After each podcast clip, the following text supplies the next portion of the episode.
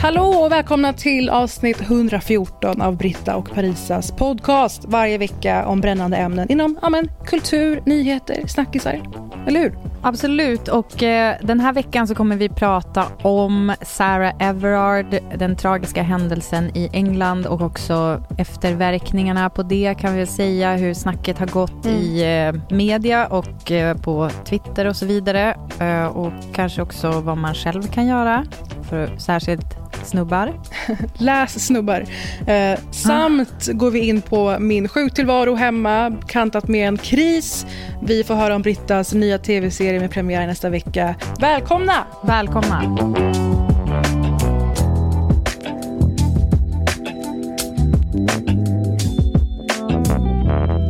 Hur, hur mår du? Ja, men alltså, ja. Vi började ju i det, apropå 8 mars, att jag sa mm. att det känns jävligt mörkt. Och sen har det ju inte direkt eh, eh, muntrat upp med Sarah Everard, hela den historien. Och sen så, eh, vilket jag kommer gå in på senare, men sen, min dotter har fyllt mm. år också.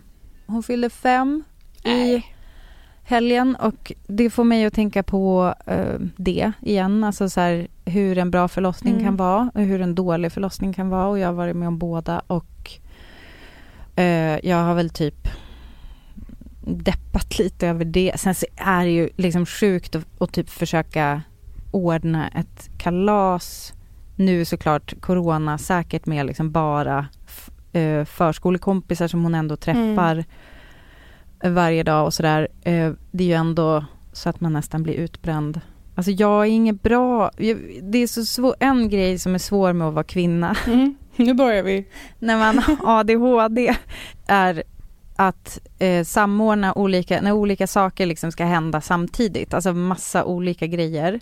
Och just eh, barnkalas är ju som en historia där jag märker att det, är, alltså det är väldigt svårt att så här, både vara närvarande mm. i stunden, prata med föräldrar som har kommit eh, och eh, så här, när man är utomhus så är det också ett jävla kutande fram och tillbaka in i köket och hämta, oj någon är törstig och vill ja, ha vatten, Gud. jag kutar in och hämtar och så bara eh, typ Essa ber om en varmare tröja, kuta in och hämta, alltså det är verkligen så här ja men jag är typ ute. Det är som en egen gladiatorerna. Uh, det är som den där Sisyfos, Sisyfos. i Mästarnas Mästare. Ja men det är verkligen mm. ett, en ring När de ska i ditt Dantes Inferno, barnkalas. Det är ett särskilt helvete. Ja. Det är bara att vara öppen med det tycker jag. Ja men och sen att göra saker som liksom sekunden efter är undone på något sätt. Mm -hmm. uh, tills gästerna går hem och sen vill man ju också liksom vara lite härlig och typ att folk ska tycka att det var roligt att komma istället för att det ska kännas som att de mm. bevittnar mm. typ en tågolycka eh, i form av, form av mitt psyke. men jag känner alltid att, att jag alltid går upp i praktiskt och eh, är för orolig för att folk har tråkigt och, eller är törstiga eller är hungriga. Ja. Det är, jag tror att alla, ja, eller många mår dåligt av det här men alla försöker spela med. Alltså ursäkta att det här det här är inte för att dissa alla som kom på barnkalas, men alltså, är det inte en jävligt konstig företeelse? Alltså de får, så här, de får mer presenter än de liksom kan leka ja. med.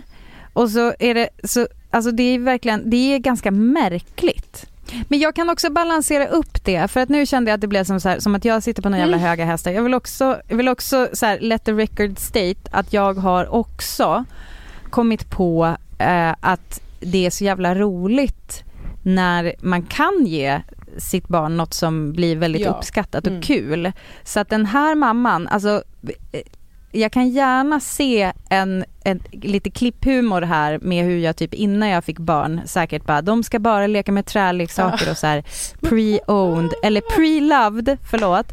Och så klipp till, jag köper en så här lilla sjöjungfrun som eh, kan sjunga och när man doppar henne i vatten så blir det automatiskt under the sea, under the sea, under the sea. Alltså den blinkar och sjunger i vattnet också men då byter hon låt och den är det är en sån gåva till hela familjen. Det är, jag kan tänka mig. Fem på morgonen. Den mest tydliga Ja, men det är som, som att kapitalismen, alltså Walt Disneys, eh, det lilla eh, ska vi säga, um, vad heter det så här, Alltså det är som en galjonsfigur för kapitalismen som vi nu har låtit flytta in i vårt eget lilla hem och älskar det. Du måste berätta hur du mår. Folk vet att du har liksom opererat dig och sjukskriven. Du måste liksom ge en liten update. Eh, korta updaten är, eh, den här veckan mår jag mycket bättre. Jag kan, du vet, gå på toaletten utan att ta med mig telefonen in, insåg jag häromdagen. Alltså för att den är din larmknapp? Eller? Ja, den mm. är min eh, ligga i bar underkropp och överkropp ofta, helt ärligt.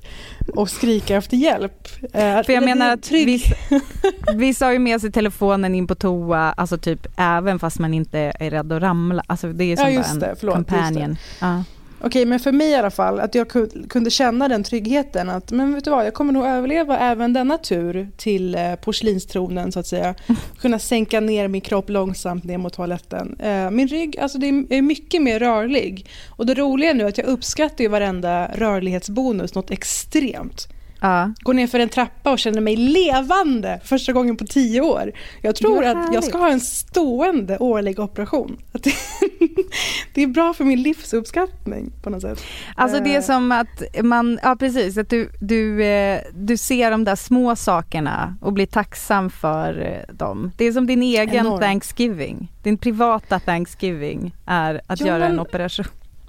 Och det är liksom omtänksamheten och mjukheten från min omgivning. Marginell men ändå stor. Eh, folk har kommit med blommor, mat och fika. Jag tror att för mina relationers skull också. De behöver bli medvetna om att Parisa, hon kanske ryker någon dag. Vi kanske måste gå dit med blommor. Att folk runt omkring dig liksom inte riktigt ska kunna räkna med att du alltid kommer finnas. Men vill du och... höra en historia? Ja. Häromdagen eh, låg jag i sängen, halvlåg i eh, sängen och det ringde på dörren. Mm-hmm. Och det mhm. ska mycket till då för att jag på kvällen ska ta mig upp och undersöka vem det är. Nej men alltså, vem ringer ens på dörren vill jag bara säga. Ja, om du inte har beställt något. Uh. Ja, och jag tycker inte att det var en särskilt alarmistisk ringning. Det var en ringning. Ja, Tänkte jag, men det kanske är någon granne som... Ja. Eller det kommer något bud, helt Man ärligt. Bl blommor, blommor, närstående som har insett att jag kanske kommer dö. Nej. Mm. Eh, eller att det kanske var något jag har, någon flyttkartong jag har köpt. De får stå där tänkte jag. Och strunta i det, kolla vidare på någon film jag kollar på. Och sen så, Britta, började det sticka i näsan. Mm -hmm. eh, jaha. Börjar känna doften av rök. Okej. Okay tanken slår ju mig nej. att nu, har, nu får jag en stroke. Nej, men nej. Jag hinner det hinner jag tänka. Men sen Jaha. efter ett tag så börjar det också blinka kraftiga lysen in i lägenheten. Nej men gud, nu har brandkåren kommit alltså. Jag kliver upp till slut, går mot fönstren. Då står alla mina grannar nere på gatan. Och Nej. tittar upp mot mitt fönster. Eller inte mitt, det kändes som det. Men för just då så stod då jag, brandmännen och blinkade in med en enorm ficklampa, en Kalle Wahlström-ficklampa. Åh oh, herregud. för att de ville se vad är det för dåre som inte svarar. Eh, är det någon där ens? Och eh, då börjar jag veva och vinka och få panik och tänka att jaha, nu är det kört. Nu, nu är det så här man ryker. Och snälla säg att de räddade dig genom fönstret because of your, eh, för att du var liksom incapacitated. Du tänker en sån stålblöja jag fick sätta mig i och rivas ut? Ja men typ eller en sån här skylift, att du fick, alltså någon fick oh, lyfta ut dig och du kanske, ja men typ ha bar under för du hann liksom inte oh, klä på dig eller det var för svårt, det hemma, ja. ont i ryggen. Ja. Men eh, det hade varit så dramatiskt, lyftas ut på en skylift. Eh, mm. nej men så jag börjar få panik och kolla, i, kolla runt mig, vad ska jag ta med mig ut? Börjar förstå att det är något som pågår. Och det här är ju ett avgörande moment när man ser sig om i lägenheten. Vad ska jag ta med om det här är ja. sista gången jag är här inne? Gloria, Gloria Steinem-boken, Nora Ephron-boken, datorn, eh, mm. plånbok, eh, telefon. Klart.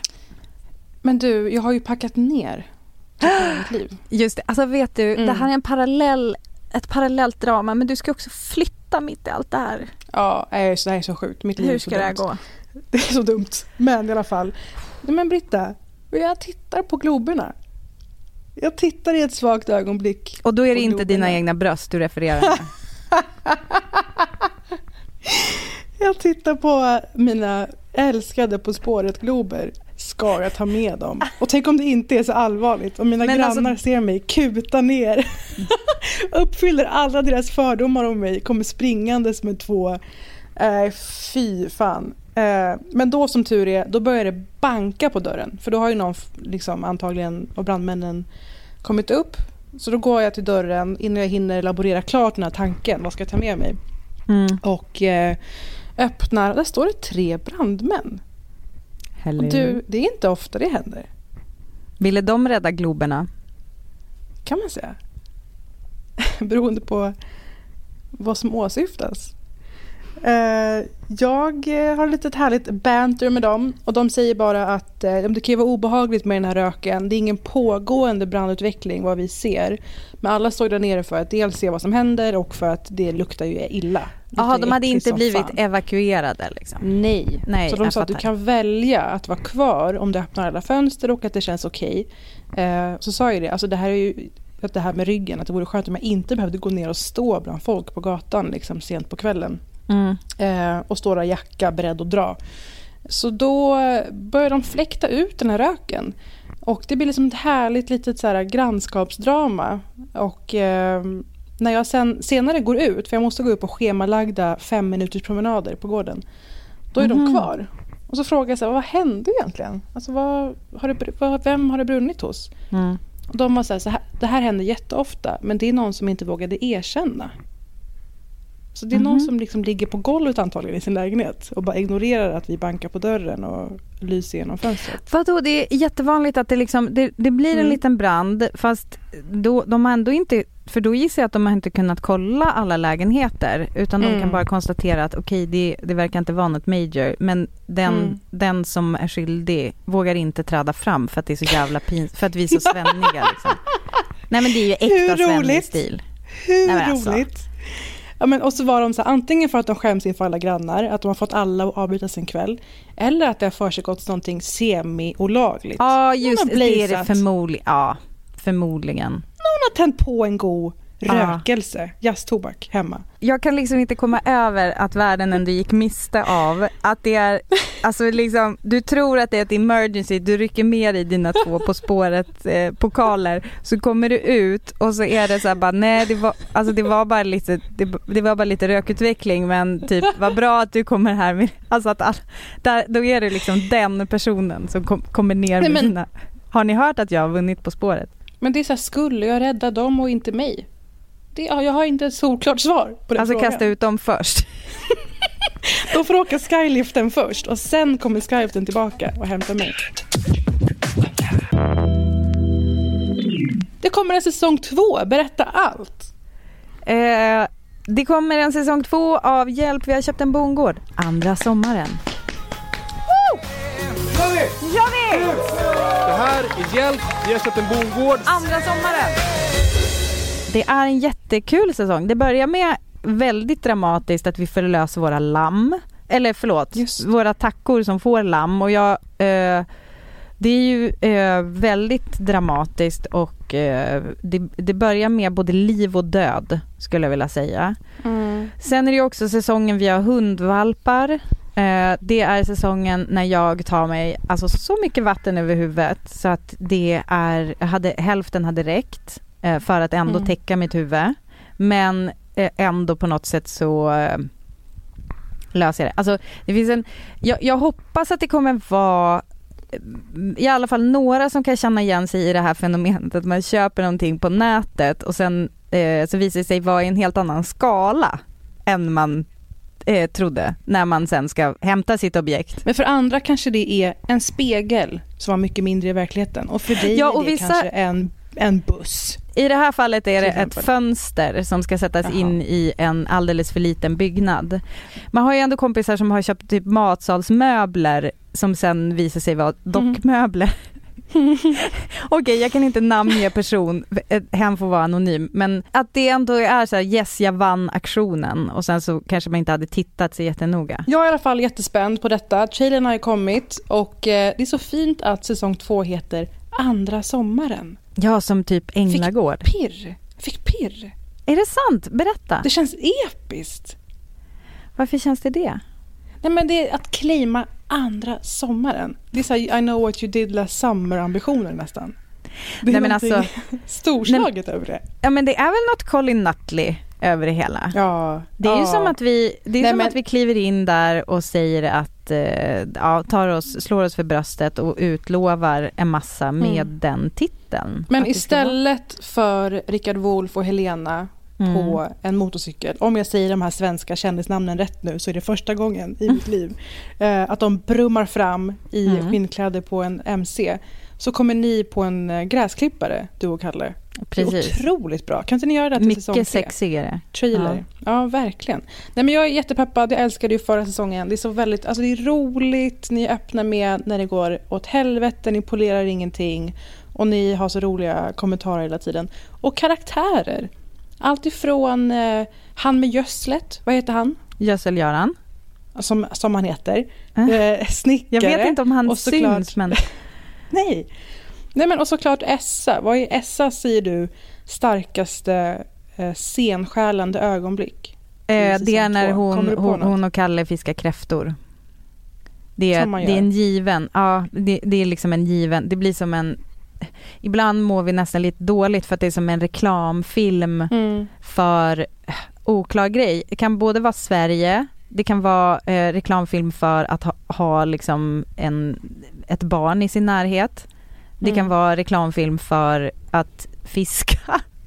Det är den tråkigaste varianten. Det som är grejen som vi hela tiden kämpar med är ju också att få fram någon slags autenticitet i det här Mm. för att vi vi, är, vi tycker ju att vi är så sjukt transparenta med att vi bara gissar oss fram och kan ingenting och, och chansar väldigt mycket. Men samtidigt så är liksom bilden av oss så här, ah, ja men det där, ni är ju så duktiga. Det är klart att ni gör det där för ni kan så mycket och det är typ mitt livsmission är att försöka få folk att förstå att eh, jag kan, det enda vi kan är ju att vi vågar försöka. Och det är Mm. liksom inte Många grejer är inte svårare än så. Eh, att man faktiskt kan ge sig på det om man är tillräckligt dum i huvudet, vilket vi är. Så eh, jag hoppas att och- det kanske blir tydligare Ja. i den här säsongen. Nej, och bara det lagret gör det här så mycket mer intressant än de här andra tv-serierna där vi följer någon som lever ett liksom, harmoniskt, underbart, idylliskt liv på någon gård och fixar med blommor och trädgård Mm. och kök och djur.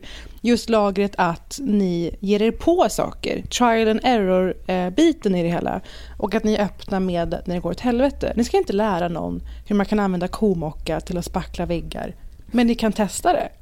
Ja, Obs exakt. att det är det enda avsnittet jag har sett av Mandelmans, att han tog kobajs och spacklade väggar med det. Sen var Fan vad sjukt att han har gjort det. Jag, har, ty- jag kommer typ, vet du vad Parisa, jag kommer typ göra något liknande i den här säsongen. Men jag vill också Men du- säga, Regina Lund kommer ta mensblod istället. Och det hedrar dig. Men alltså många av de där programmen har ju också typ ett snickarteam som står redo att rycka in Mm. eh, när kamerorna inte Scoop. rullar längre. Men ja, Vänta men alltså. Nu och bara då, säger du det här som att, jag måste Nej. pausa dig. Nu säger du det här som att alla vet det här. Det Ja, här men- är scoop. Nej men Parisa, det är, ju, det är ju vad folk förutsätter om vårt program. Alltså det här är ju, för publiken är ju så pass luttrad nu så att de fattar ju att när de tittar på så här byggprogram då är det liksom, det är bara fake det där med hur ska vi hinna och att drama, Ja. dramatiska så här pålägget med att det kommer aldrig bli klart i tid för att de också vet att det står ett snickarteam redo och, och kommer rycka in och det, det där företaget som sponsrade det här köket kommer såklart inte se till att det inte funkar och så här. Men vi är ju, alltså vi gör verkligen exakt allt själva och det är ju också något som folk typ inte riktigt tror på. Så det är ju ganska, det är ju krångligt i, i, i det här moderna klimatet där man på något Mm. sätt har vant sig vid att allt är fake.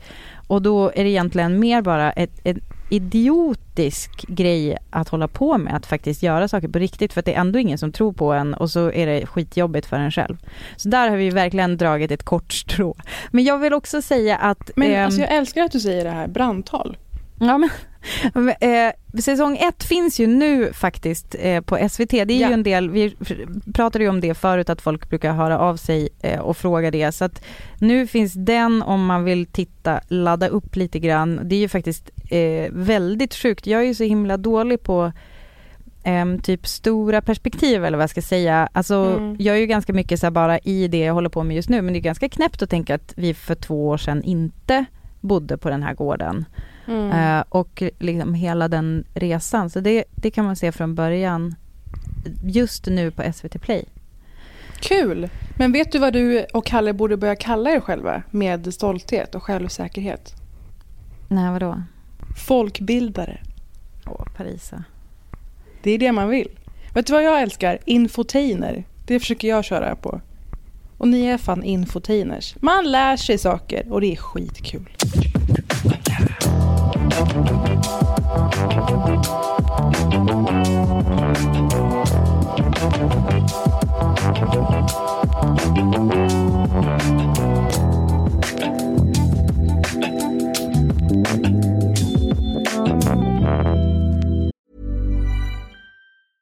As a person with a very deep voice, I'm hired all the time for advertising campaigns. But a deep voice doesn't sell B2B, and advertising on the wrong platform doesn't sell B2B either. That's why, if you're a B2B marketer, you should use LinkedIn ads. LinkedIn has the targeting capabilities to help you reach the world's largest professional audience.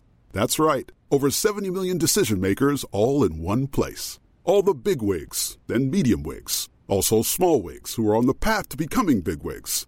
Okay, that's enough about wigs. LinkedIn ads allows you to focus on getting your B2B message to the right people. So, does that mean you should use ads on LinkedIn instead of hiring me, the man with the deepest voice in the world?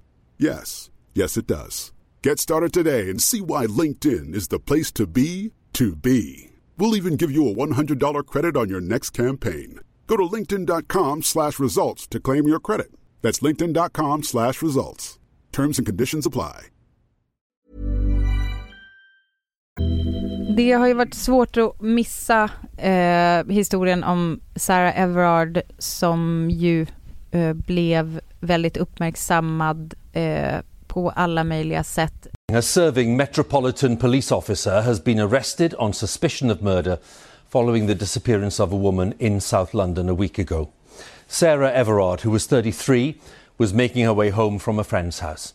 Det, det ledde ju till att eh, folk delade mm, ett inlägg på Instagram, alltså den här typ text me when you get home eh, grejen eh, med att vi återigen blir påminda om hur, hur vi måste ta hand om varandra och eh, faktiskt också liksom lite så här hur vi redan tar hand om varandra och oss själva med eh, att alla tjejer känner nog igen den där grejen med att ha typ nycklarna redo som en eh, liksom ett vapen mellan knogarna eller att man ringer upp liksom en kompis nummer på telefonen och liksom har det redo för att bara trycka ifall Ja. det händer något. Alltså jag kan hoppa in också och säga att jag och säkert du också har haft fejksamtal med mig själv.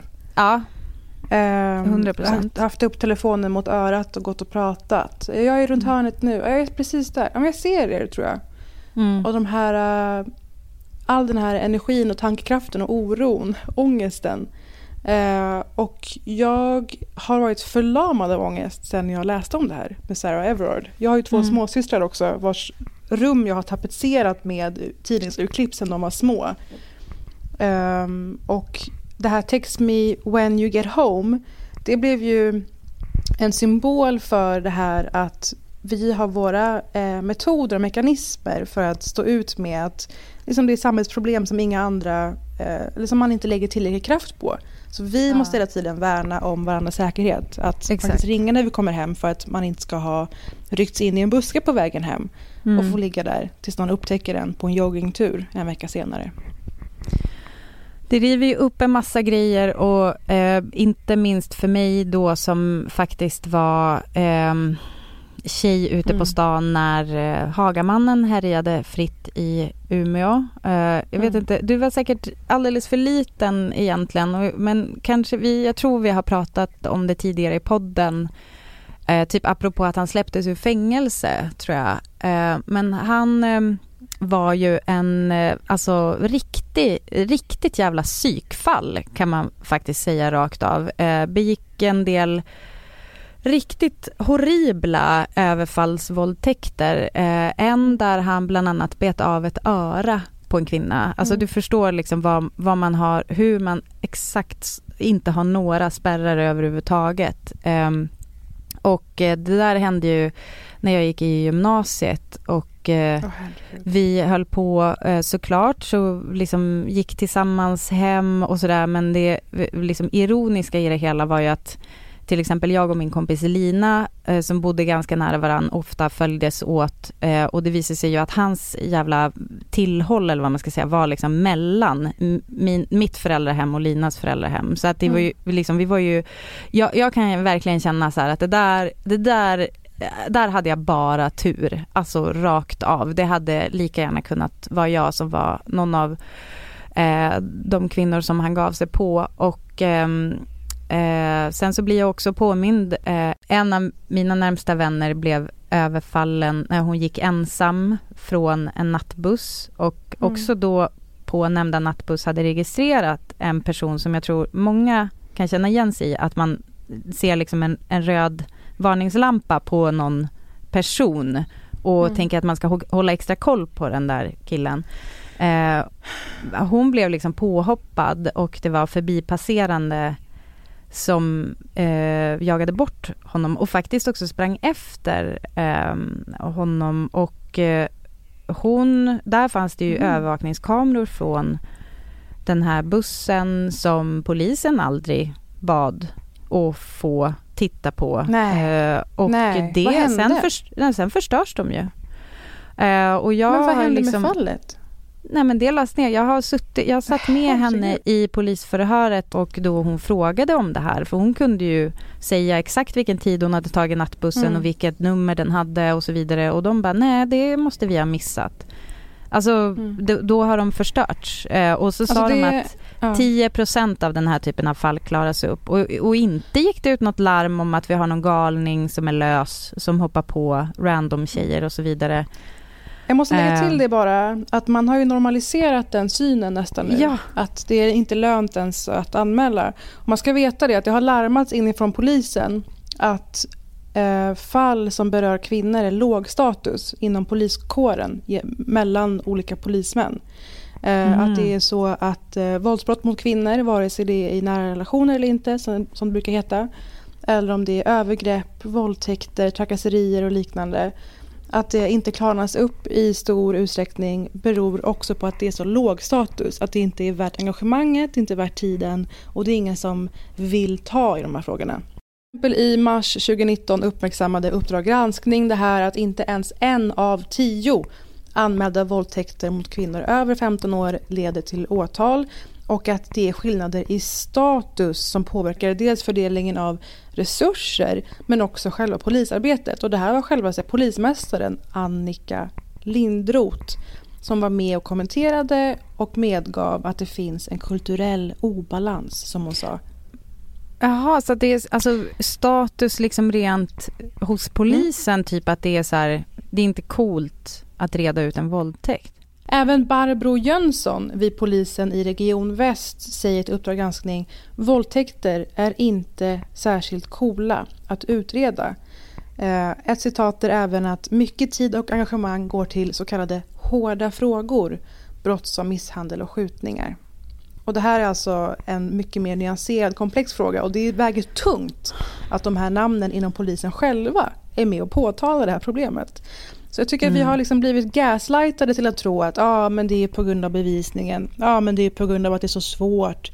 Ett, hans ord mot mitt. Bla, bla, bla. Nej, det handlar om mm. resurser och attityder. Så det intressanta också med Sarah Everard är ju att det blev en sån backlash, eller det blev en stor våg som menade på att hon borde inte ha gått ute på kvällen hon mm. borde inte ha gjort det och det. Hon borde inte ha gjort si och så. Mm. Och bara för några år sedan så var det ju polis i Jämtland som uttryckligen bad kvinnor stanna hemma på kvällar och helger. Jag, jag kommer inte ihåg exakt vad det var, men jag kommer ihåg den grejen att det är väldigt mycket att lägga på på kvinnor helt enkelt och inte istället att man mm. ser till att alla män tar ansvaret. Och det är ju kanske ja. det silver lining på det här molnet att eh, det har eh, höjts lite fler röster om hur kan män vara en bra allierad och tidningen The Mm. Guardian har ju varit en riktigt broder eh, i det här och faktiskt skrivit ganska mycket om, ja men delade också eh, tips som har kommit fram på Instagram där det Mm. ju var, eh,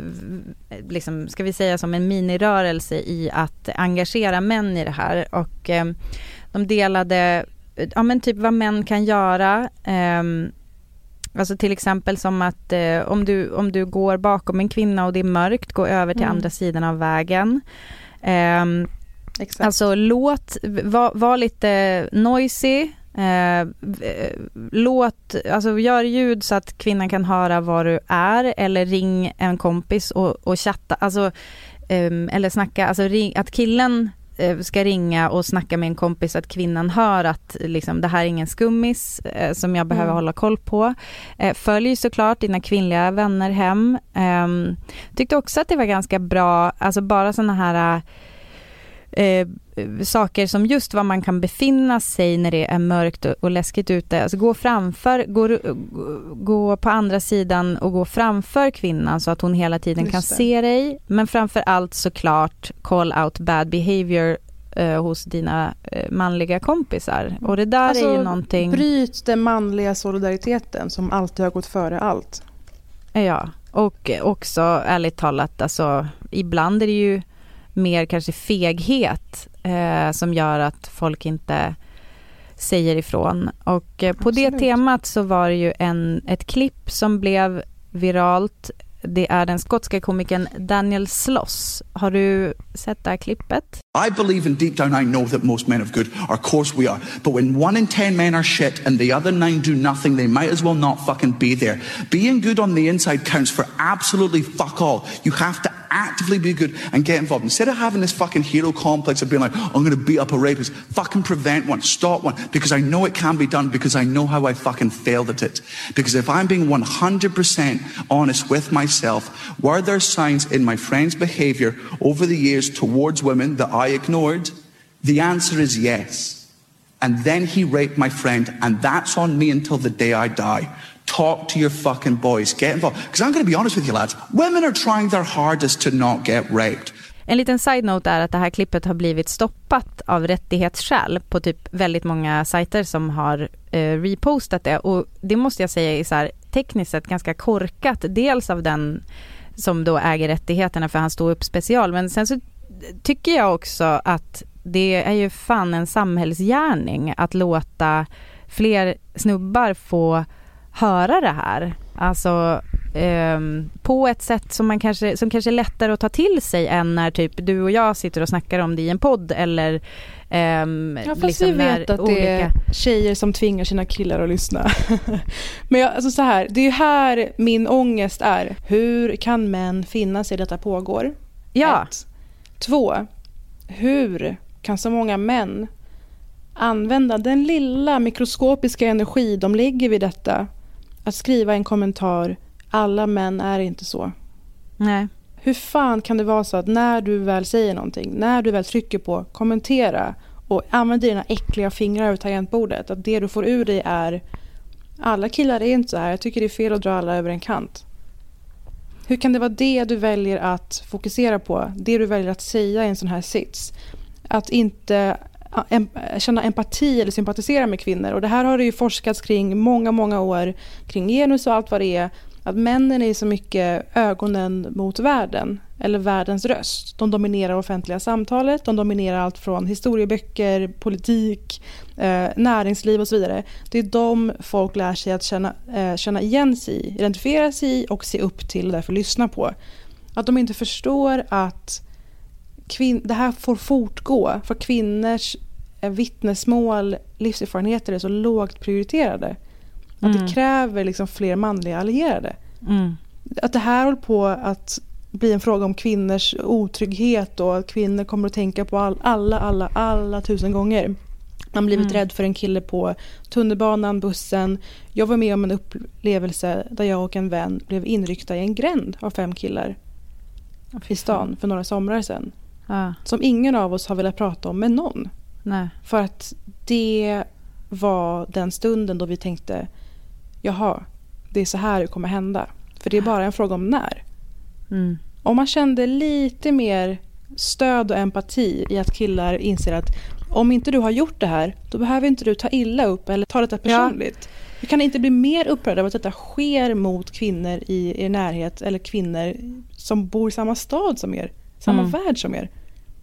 Det, är ju, det där är ju också sjukt på det sättet att de killar som inte våldtar och de killar som inte slår eller vad det nu är och så vidare, ja men då har ju ni, alltså då kan ju ni stå på våran sida i det. Jag skapar inte en polarisering då, som att det blir som att ni står på killarnas sida och då ska säga att alla är faktiskt inte så, och hålla på att nyansera. Alltså ställ er istället på oss, på våran sida och säg, fy fan vad, vad, vad vidrigt det är att det här händer er, typ hur kan vi, vad kan vi göra? Det är ju liksom det enda rimliga, alltså i, det är så märkligt tycker jag med den typen av att man liksom har typ en solidaritet mot sitt kön. Alltså vad fan Mm. betyder det? I, alltså det, det är ingenting. Det är, Så här är det ju. det här är ju liksom era mödrar, av- era Ja. systrar, era döttrar. Alltså Eller bara varför... medkvinnor. Alltså det är Ja. liksom...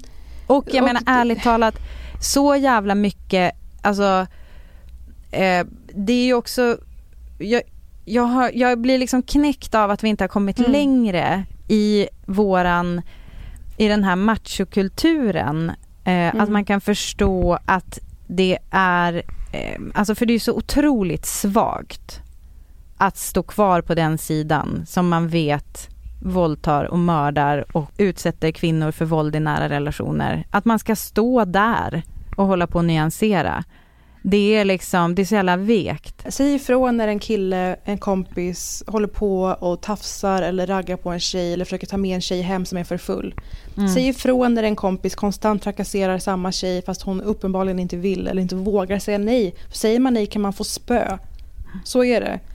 Säg ifrån. Det kan vara en mild ifrånsägning. Att så här, hörru, ska vi gå vidare? Alltså distrahera. Gör, gör vad du vågar och kan. För män är också rädda för andra mäns våld. Och det är ju, det är ju därför feminister ofta säger det. att man tänker även på hur män drabbas av könsroller. Och det är så Ja. tydligt också i just den, eh, den, den dynamiken.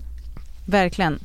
Men även om man då är rädd så har man ju som, alltså ofta typ en möjlighet om det är då ens kompis och så vidare Mm. så har man ju en möjlighet att eh, säga ifrån. En sak som är så jävla bra som den här Daniel Sloss eh, säger är Being good on the inside counts for absolutely fuck all. You have to be actively good and get involved instead of having this hero Mm. complex of being like I'm going to beat up a racist. Fucking prevent one.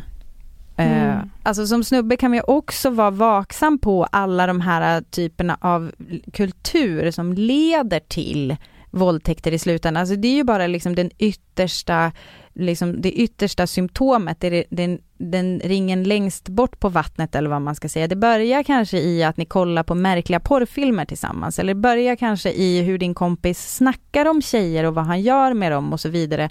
Där du kanske drar öronen åt dig, alltså där har du ju en möjlighet att snacka på ett helt annat sätt än vad vi kvinnor, alltså när vi står där med våra nycklar i nävarna, det är ju Mm. liksom det yttersta, då har det ju gått jävligt snett. Och killar Mm. har möjlighet att snacka med sina kompisar långt innan dess. Alltså, och det här med att det var en polis. Ja. Ska, ni ska veta hur mycket mer det förstärker ångesten och rädslan.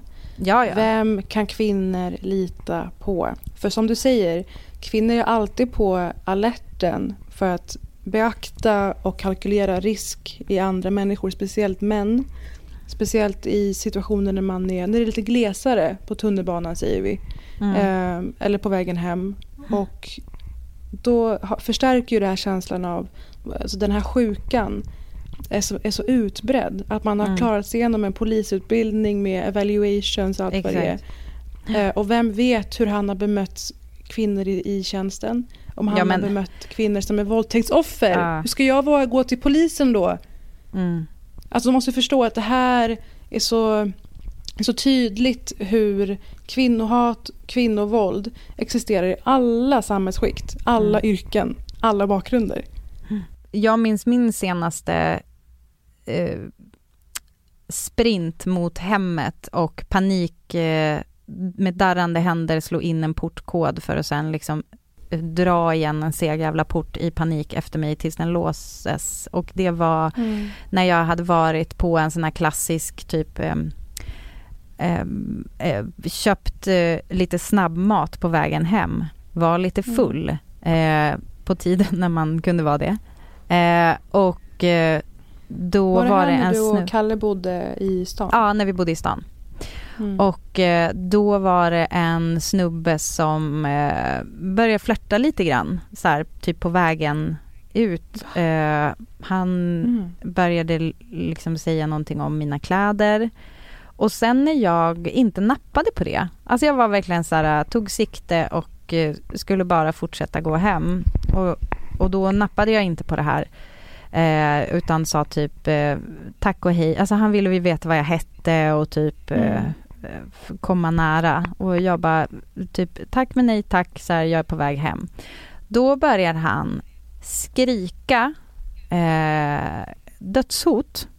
Eh, han, eh, jag var en jävla hora. Han skulle skjuta mig och du vet han gjorde så här, alltså eh, liksom skottljud mot mig. Alltså förstår du? Han var på Den- samma inrättning som du, kan man säga. Ja, exakt. Eh, Och det här sker precis utanför, eller? det här är precis utanför. Tror du att det är noll personer runt omkring? Det var det inte Paris Amiri. Det var fullsmockat. Alltså som det är typ så här när krogen Du har stängt. skojar. Alltså i vanliga fall, inte coronatiden. När krogen har stängt, alla söker sig till olika snabbmatsinrättningar. Eh, det här var ett väldigt centralt i stan.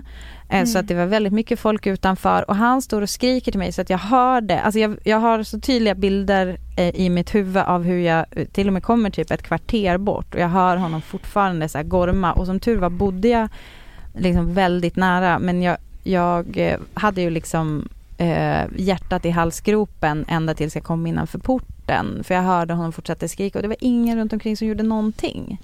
Men den där sprinten, när man, för man laborerar med sig själv. Överdriver jag nu? Ska jag springa sista tio meterna? Ah. Och det är så talande att man skäms bara för att våga, bara för att man kan ha tagit fel på att någon kille inte alls ville slå sönder en eller våldta en. Men När tänk också, Det där Ja. tvivlet, alltså vi har ju så mycket som tyder på att det är alltid värt att våga chansa även om du har fel. Och jag tycker inte statistiken är på riskera, vår sida. Jag tänker inte riskera att såra, såra någons stolthet eller mansolidariska känslor. Jag kommer springa varenda gång. Jag vet exakt Ja. vad du pratar om. En annan pusselbit är ju den här uh, järngympan eller vad man ska säga jag gör. Mm. Alltså, är det säkrare för mig att stanna kvar här också? För att Mm. eh, då är det i alla fall vittnen. Det är, upply- det är en upplyst plats, det är vittnen där. Men jag upplever ändå som så pass hotfullt och att ingen gjorde något så att jag var liksom hellre kuta därifrån. Och då är det ju den där klassiska typ någon lite packad polare som bara Hörru, liksom William eller vad nu heter, bara lugna ner dig li-" Alltså typ den. Lite halvhjärtat, kanske en hand på axeln. Men det är ju ingen som säger så här, är du sjuk i huvudet? Nu håller du käften. Alltså förstår du, det, det är ju inte, det är liksom bara brorsan, ta det lugnt. Så den, den reaktionen som händer står ju inte i relation till att det jag upplever är ett dödshot. Alltså han, dels att han bokstavligen hotade mig till livet, men också att jag upplever, alltså som du säger, statistiken är på vår sida inom grova citationstecken, därför att det är ju inte en glad statistik, men jag menar vi vet eh, av eh, erfarenhet, eller alltså den kollektiva erfarenheten i historien visar att det är inte säkert för oss. Och det är så jävla märkligt att eh, det görs så jävla lite. Och okej att det, liksom det är en sak vad man gör från polisens håll, hur man jobbar från samhället med att typ lysa upp eh, liksom stan, eh, så att det i alla fall blir liksom lite säkrare. Eh, men också eh, vad man gör som medmänniska. Det tycker jag är det absolut mest slående i det här, vad, vad lite Alltså hur många gånger har man liksom varit med om att någon snubbe har sagt till någon Mm. annan med problematiskt beteende, typ Mm. skärp dig, vad fan håller du på med? Vi har belyst pojkstreck på vår Instagram, vi har pratat om hur skolkulturen ser ut. Det är så mycket som föder en våldtäktsman. Ja. Eller som föder en man som inte respekterar kvinnors kroppar eller liv. Eh, vare sig det är eh, du vet, en hand på en röv, att det börjar där Mm. till att få ett nej och bli helt jävla rasande. Mm. Eh, Så Sarah Everard, kolla upp hennes historia och liksom, säg ifrån. Var inte en skön kille eller en skön tjej. För det blir för jävligt för någon annan i slutändan. Samtidigt vill jag också påminna att vi, även om det är läskigt att gå hem ensam eh, och vi ska såklart helst gå tillsammans när vi kan och så vidare så är ju det vanligaste är ju inte att man blir liksom överfallen av en, kom, alltså en främling ute på stan. Eh, som tur är skulle jag vilja säga. Men det är ju också på grund av det jävligt sorgliga i som du säger att det farligaste för oss är att vara i hemmet tillsammans med någon som vi känner. Jag tänker att det, det blir också en slags, eh, liksom lite så här eh, sned, eh, det blir lite snett när då blir fokus så här att man ska skydda folk från att gå hem och det kan ju, alltså fortfarande behöver kanske många typ skyddas från sina partners eller liksom sina pojkvänner och så vidare. Eh, det, är där, det är där vi har dem. Liksom, många kan ju Men det är använda en hel sånt här mot samhällskultur på något sätt. Ja, och många kan, Ja. använder ju sådana här typ överfallsvåldtäkter och försöker skylla på till exempel invandrare och så vidare. Eh, Mm. Att de kommer i stora Felaktigt, gäng och liksom för att skrämma, eh, skrämma upp med den typen av saker. Så att var, var också vaksam på den typen av retorik för det är ju oftast jävligt missriktat. Förlåt, men vilket bra avsnitt ändå.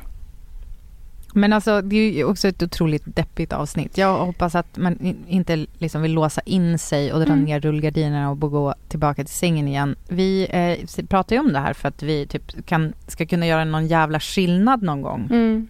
Ja, men dels det, men också ge folk perspektiv. Hur kan man göra? Vilka ska man be göra saker? Och det är förlösande. Killarna Istället man för bli den, göra saker. ja, killarna. Och istället för den här förlamande klaustrofobiska känslan. Det är så skönt att göra någonting åt saken. Det älskar jag. Men fortsätt gärna att höra av er på Instagram. Det är ju fantastiskt ty- tycker jag. Alltså verkligen tack för förtroendet Mm. som vi får att ta del av era eh, historier och ehm, dela vidare i de fall som ni tycker att det känns okej okay och sådär. Det är, är jätteviktigt och mm. Eh, ja, vi känner oss hedrade. Och Det är alltså Britta och Parisa. Vi finns på, på Instagram. Och så finns vi här nästa vecka igen. Ska vi höras då istället?